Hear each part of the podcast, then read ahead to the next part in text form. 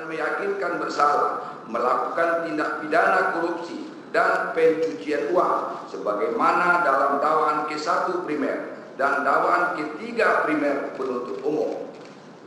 4. Menjatuhkan pidana kepada terdakwa dengan pidana penjara selama 15 tahun dan denda sebesar 1 miliar rupiah dengan ketentuan apabila denda tersebut tidak dibayar akan diganti dengan pidana kurungan